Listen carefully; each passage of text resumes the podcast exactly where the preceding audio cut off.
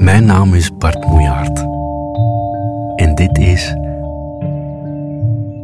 de baas van alles.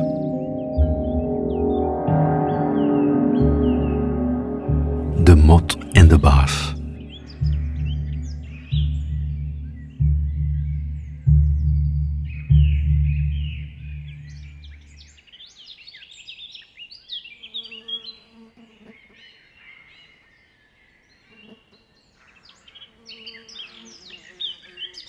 Een hele dag lang zat de kat in de zon. Ze had haar ogen dicht, maar ze sliep niet. Ze was in gedachten verzonken. Onder andere probeerde ze zich voor te stellen hoe het was wachten op een baas. Ze wist hoe het was om zelf de baas te spelen of om helemaal de baas te zijn. Die ene tel waar het om ging als ze een muis ving of een bromvlieg tegen de grond mepte. Als zij de baas was, was het ook een kwestie van wachten, maar dan op het goede moment.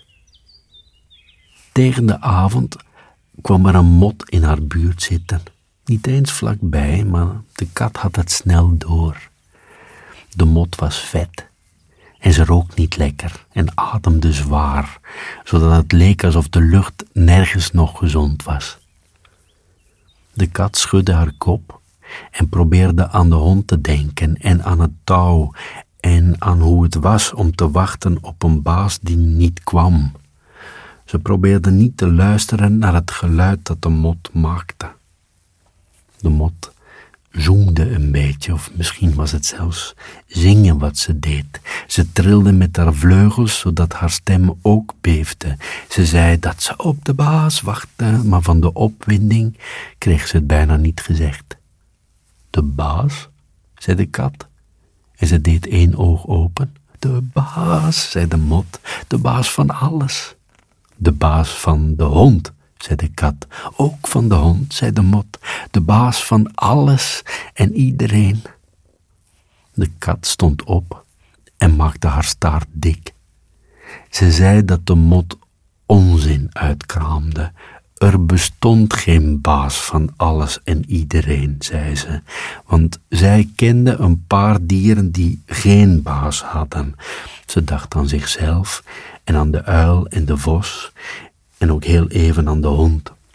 De mot kon maar beter zorgen dat ze wegkwam, want anders zou de kat haar het verschil leren kennen tussen links en rechts en voor en achter. En dan zou het beest meteen weten wie er de baas was van alles en iedereen. De kat liet haar klauwen zien, links en rechts en voor en achter. Ze wilde net een poot opsteken om toe te slaan toen er in het huis vlakbij een licht aanging. De mot vloog op en riep: Daar is hij, daar is hij. Waar, waar? zei de kat. Ze probeerde tegen het licht dat van binnen kwam in te kijken, maar de baas van alles en iedereen zag ze niet.